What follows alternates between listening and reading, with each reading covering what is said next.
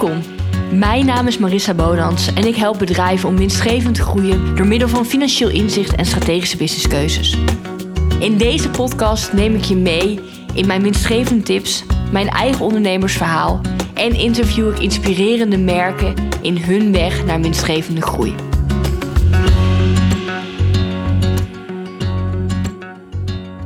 Meer winst halen uit je marketingbudget. Ik denk dat dit een van de weinige podcasts is waar we het gaan hebben over hoe haal je nou meer winst, meer rendement uit je marketingbudget of hoe zet je je marketingbudget nou vooral slimmer in zonder de invalshoek anders adverteren, andere beelden, andere teksten, andere content, de technische achterkant van advertenties en noem maar op. Maar veel meer de financieel sterke financiële inzicht invalshoek. Daarin ga ik je in deze podcast uh, meenemen. Maar voordat ik dat ga doen, wil ik je graag uitnodigen. En ik wil je graag uitnodigen voor de winstweek die ik geef van 16 tot en met 19 mei. Dit is een vierdaagse gratis challenge waar we elke dag uh, de dag starten met een live training en er is elke dag een opdracht. Het doel van deze winstweek is samen jouw financiële fundament bouwen. Dus als deze podcast je dadelijk triggert en denkt: hmm, dat stukje financieel inzicht over prijzen en marketingbudget, nou, dat heb ik nog niet. Of als je al geheel denkt: nou, een financieel plan, een financiële structuur, financiële doelen ik ben vooral een creatieve maker, een productondernemer, want daar is het echt specifiek voor. En ik onderneem vooral op gevoel, op hoop van zegen. En ik ben toe aan echt een volwassen professioneel bedrijf. Dan nodig ik je dus van harte uit uh, voor de winstweek van 16 tot en met 19 mei. Inschrijven kan via de link. De link zit in de, in de show notes. Of ga even naar mijn website www.marissabonans.nl en dan slash winstweek kun je je ook inschrijven. Het lijkt me fantastisch om je daar uh, te mogen ontvangen. Terug naar de orde van de dag, of in ieder geval de orde van deze podcast. Meer halen uit je marketingbudget. De reden voor het opnemen van deze podcast is de vraag, of niet echt de vraag, maar het statement wat ik vaak hoor van uh, klanten, maar ook van potentiële klanten, van ondernemers die ik spreek ja, weet je, het loopt allemaal nog niet zo, niet zo heel lekker. Er is nog net te weinig winst over. Weet je, ik moet ook gewoon meer in marketing stoppen. Ja, iedereen heeft het over advertenties. Hoppa, daar ga ik ook in. In deze podcast heb ik het vaker over advertenties. Maar je zou eigenlijk de principes ook kunnen toepassen op andere vormen van marketing. Even een nuance.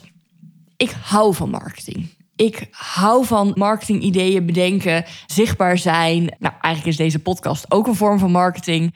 Ik adverteer zelf, ik adverteer op Google, ik adverteer op Facebook. Dus er is helemaal niks mis mee. Maar voordat je dat kan gaan doen, zijn er een paar randvoorwaarden, een paar fundamentele beginselen. En daar ga ik je meenemen. Als we die namelijk niet op scherp hebben, dan gooien we geld weg. Dan houden we geen grip op het feit of die marketing wel effectief is, efficiënt en winstgevend. Ik vergelijk het ook wel eens dat we dan al de allermooiste, nieuwste auto hebben uitgezocht met leren bekleding aan de binnenkant en allemaal mooie gadgets. En eigenlijk denk ik, kak, ik kan eigenlijk helemaal geen auto rijden. Ik heb helemaal geen rijbewijs. Dan mag je eerst je rijbewijs halen en dan een auto. Tuurlijk kun je er vast over dromen, maar er is een bepaalde opbouw en logische volgorde in de stappen die je zet. Eerst het rijbewijs, dan de auto, dan een mooiere auto. Hetzelfde is eigenlijk bij het ondernemen. Eerst de winstgevende prijs. Eerst weten, hey, wat kun je nou aan marketing spenderen? Wat zou je marketing moeten opleveren? En dan je marketingbudget aanzetten. En in die randvoorwaarden ga ik je vandaag meenemen. En waarmee ik wil beginnen is de winstgevende prijs. Wat ik mijn klanten aanleer is dat we 100% zeker moeten weten dat de prijs van de producten winstgevend is voordat we gaan adverteren, voordat we geld in gaan zetten op marketing. Omdat we anders meer verkopen hebben en meer verkopen resulteert in meer omzet en meer klanten, in drukker zijn, in harder rennen en daar is niks mis mee. Maar als we steeds harder gaan rennen en er dan achter komen, hmm, ik hou niet meer winst over, dan is dat niet zo heel handig. De prijzen die je zet voor je producten moeten zowel de kostprijs dekken, En kostprijs is eigenlijk alles wat het kost om je product te maken. Dus denk aan alle materialen, verpakking, wie betaalt er voor de verzendkosten, de labels, het handgeschreven kaartje, maar ook de tijd, de productiekosten om het te maken. Waarom nemen we nou ook die productiekosten mee als je het nog zelf maakt? Als je het dadelijk anders wil uitbesteden, de productie, en je hebt dit helemaal niet meegenomen in je prijs, ja, dan, dan gaat dat niet. Want iemand anders gaat dat waarschijnlijk niet doen als vrijwilligerswerk. Nou, die prijzen bevatten dus zowel de kostprijs, maar ook je vaste kosten en een stukje opslag voor groei en salaris en verwinst.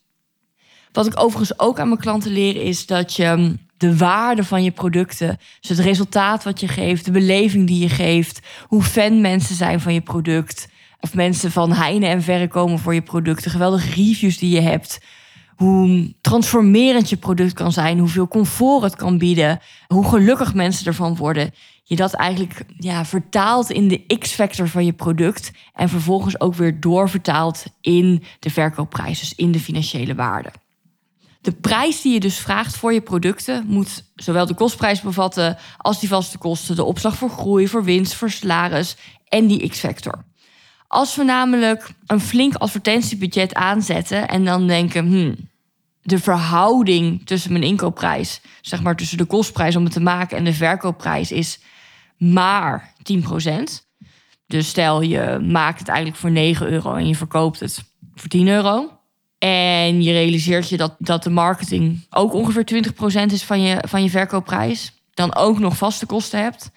Ja, dan kunnen we meer verkopen. Hebben we meer omzet, meer klanten. Maar dan maken we eigenlijk per verkoop verlies. Dat is niet zo heel erg handig. Dus voordat we het marketingbudget echt aanzetten, 100% grip hebben dat de prijs die je vraagt echt de winstgevende prijs is. Want anders kunnen we een soort van jubeljuich worden, omdat die marketing dus resulteert in meer klanten, in meer verkopen. En ja, ergens is dat goed voor je bereik. En bereik is ook weer goed voor herhaalaankopen, voor zichtbaarheid, voor klanten die uiteindelijk komen zonder dat ze echt op de advertentie hebben geklikt, maar het via via horen omdat je naamsbekendheid krijgt. Maar dat is echt veel meer een, een side effect, een, een, een bijzaak. In essentie wil je dus dat de marketing zorgt voor meer winst in plaats van alleen maar meer verkopen. Dus eigenlijk de randvoorwaarde 1 is het hebben van die winstgevende prijs. Het tweede is wat moeten mijn advertenties dan eigenlijk opleveren in mijn situatie om winstgevend te zijn? Ja, de prijs is een eerste randvoorwaarde, maar het gaat nog een, ja, een niveautje dieper eigenlijk. En als je al adverteert, dan ken je misschien wel het begrip uh, ROAS, Return on Ad Spend. Dat is ook vaak wat het advertentiebureau met je communiceert. En het is eigenlijk de totale conversiewaarde, dus de totale verkopen, gedeeld door je advertentiekosten. Dus hoeveel euro stop je in de advertenties, dus wat is je advertentiebudget?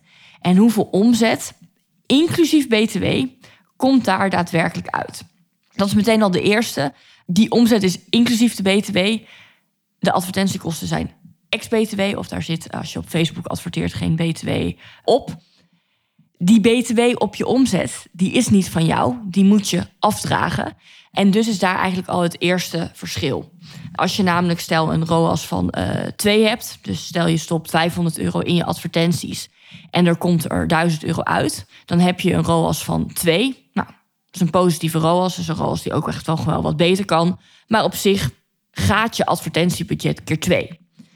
Het eerste is dat het dus niet helemaal omzet is omdat daar BTW op zit. Dus je zou eigenlijk moeten zeggen: oké, 500 euro in de advertenties, 1000 euro omzet inclusief BTW eruit, is eigenlijk 826 euro die echt omzet voor jou is. Als je nu denkt, oeh, deze getallen zijn wat lastig te volgen, maar ik vind het fijn om dit uh, voorbeeld uitgeschreven te zien. Ga dan eventjes naar mijn uh, LinkedIn. Mijn LinkedIn is um, Marissa Bonans. En daarin heb ik een uh, LinkedIn nieuwsbrief. En dit voorbeeld komt onder andere terug in LinkedIn nieuwsbrief 2. Je kunt je overigens ook abonneren op mijn LinkedIn nieuwsbrief, zodat je wekelijks of bijna wekelijks, laten we geen beloftes doen die ik niet kan waarmaken, een nieuwsbrief krijgt vol ja, financiële tips en inzichten. Nou, terug naar um, de ROAS. Waarom we nou graag willen weten wat de ROAS voor jou moet zijn, is dat jij eigenlijk veel proactiever kan communiceren aan je marketingbureau als je je advertenties uitbesteedt, maar ook het anders zelf weet als je je marketing of als je advertenties zelf uh, runt. hey, wat moet nou eigenlijk mijn minimale ROAS zijn? Die zie je namelijk in je Facebook Business Manager, zodat het winstgevend is. We deden net even het voorbeeld dat de ROAS 2 was. Dus 500 euro advertentiekosten, 1000 euro omzet, inclusief BTW eruit. Dus dat is 826 euro echt voor jou. Deel je dus die 1000 euro door 1,21. Stel, je hebt berekend dat de kostprijs van jouw omzet 60% is. Dus de prijs om een product te maken, te verpakken, helemaal klaar te maken voor verzending bedraagt 60%. Nou, terug naar het voorbeeld. Die 60% van die 826 euro, dus die omzet ex-BTW, is 496 euro. Als we dan eens aan het rekenen slaan, dan houden we dus eigenlijk per saldo over die 826 euro, die omzet zonder BTW, min die 496 euro, die berekende kostprijs, min 500 euro je advertentiebudget. Dat is min 170 euro. Dus eigenlijk houden we dan niks over, maar we maken 170 euro verlies. Hebben we het overigens nog niet eens gehad over de kosten die je aan je marketingbureau betaalt, de fotografie van de beelden. Misschien heb je een tekstschrijver ingeschakeld voor je advertenties. Al je andere kosten die je maakt om je business uh, up and running te houden. Waarschijnlijk wil je zelf ook nog wat aan overhouden, je salaris. Dus ja, we kunnen even denken, we hadden een ROAS van 2. Maar echt zo, de zet het niet aan de dijk. Of het verbrandt eigenlijk alleen maar geld. Als we deze omdraaien en we weten, hé, hey, we weten wat de kostprijs is. We weten wat de verhouding is tussen je inkopen en je verkoopprijs. Daarom is het zo bizar belangrijk om in dat stukje echt, echt financieel inzicht te hebben. Als je weet wat je overige kosten zijn, dus eh, je vaste kosten, misschien heb je een kantoor, je abonnementen, eh, mensen die je vast inschakelt. Je weet wat je aan belasting moet betalen. Je weet wat je er zelf uit wil halen. Je weet wat eigenlijk een soort van je, je winstdoel is. Dan kun je hem terugrekenen en zeggen: hey, met mijn producten zou de ROAS minimaal 5 moeten zijn om winstgevend te adverteren. Is een ROAS van 5 altijd winstgevend? Nee hoor. Afhankelijk van je prijzen en je opbouw van je bedrijf is bij sommige bedrijven een ROAS van 2 winstgevend en bij sommigen een ROAS van 10.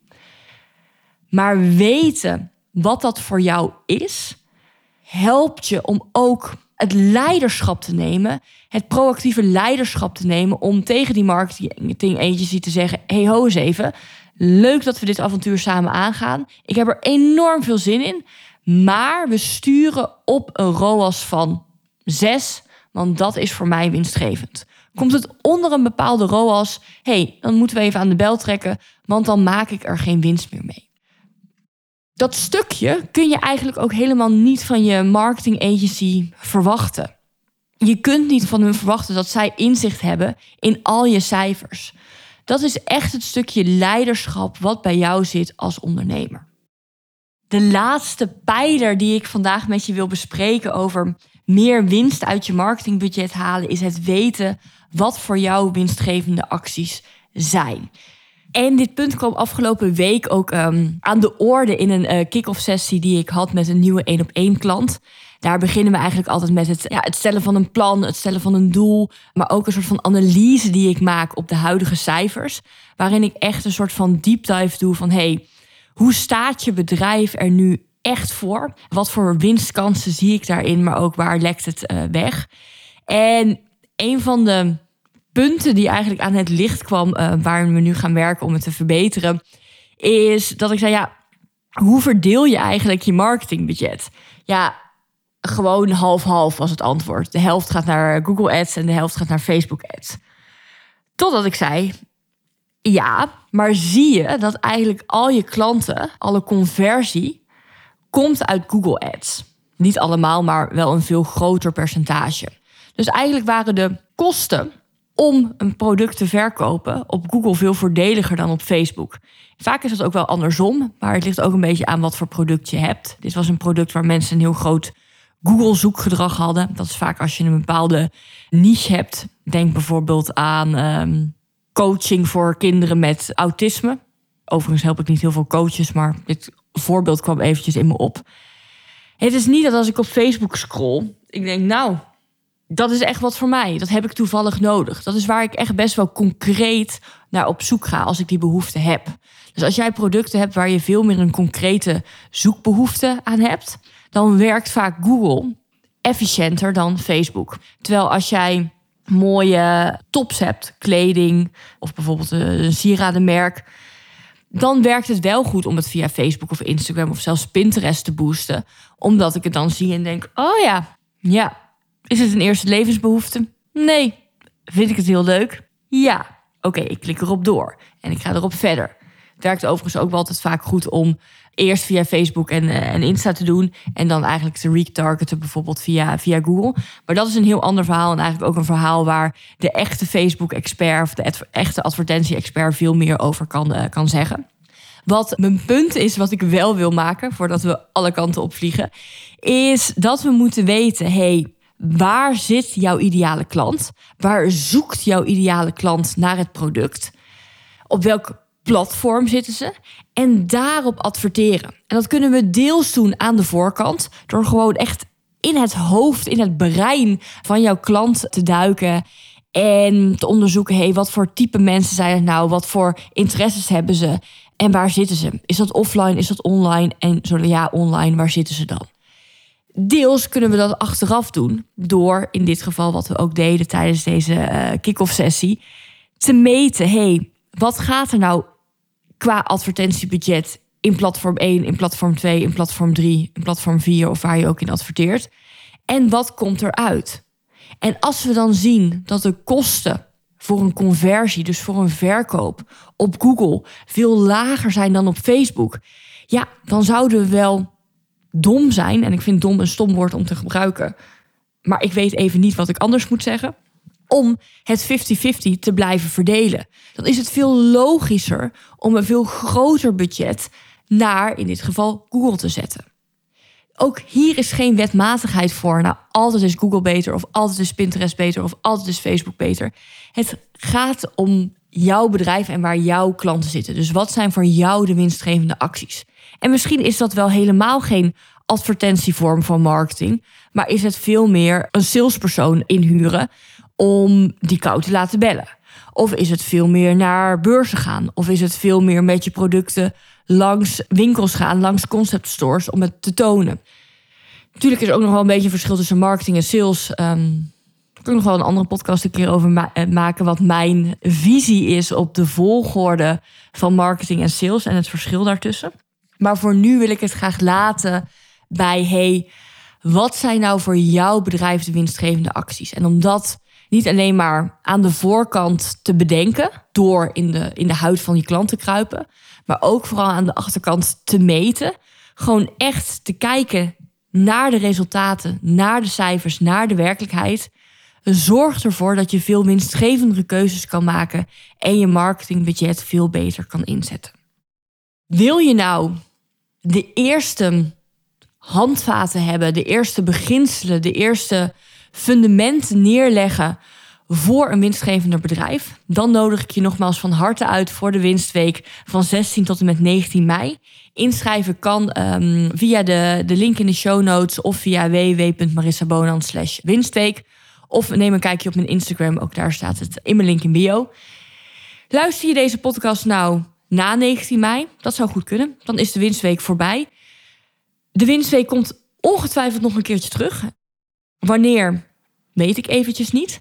Maar ik ga je niet laten hangen en laten wachten totdat ik een besluit heb genomen over de data van de volgende winstweek. Wil je in de tussentijd wel aan de slag met een winstgevende bedrijf? Uh, kom dan even bij me op de radar. Stuur me een berichtje via Instagram. Of stuur me een mailtje contact.marissawonans.nl. Ik geef ook vaker uh, masterclasses bij, waar je bij kan aanhaken. En af en toe geef ik ook een gratis uh, strategiegesprek weg. Ook daar kan je kans op maken via mijn website. Wens ik je voor nu een fantastische dag of een fantastische avond, net op het moment dat je dit luistert. En dan spreken we elkaar bij de volgende podcast. Vond jij deze aflevering nou waardevol en wil jij ook winstgevend groeien met jouw bedrijf? Stuur me dan vrijblijvend een DM op Instagram, marissa.bonans. Stuur me een mail op contact.marissabonans.nl of neem een kijkje op mijn website www.marissabonans.nl. Ik spreek je snel.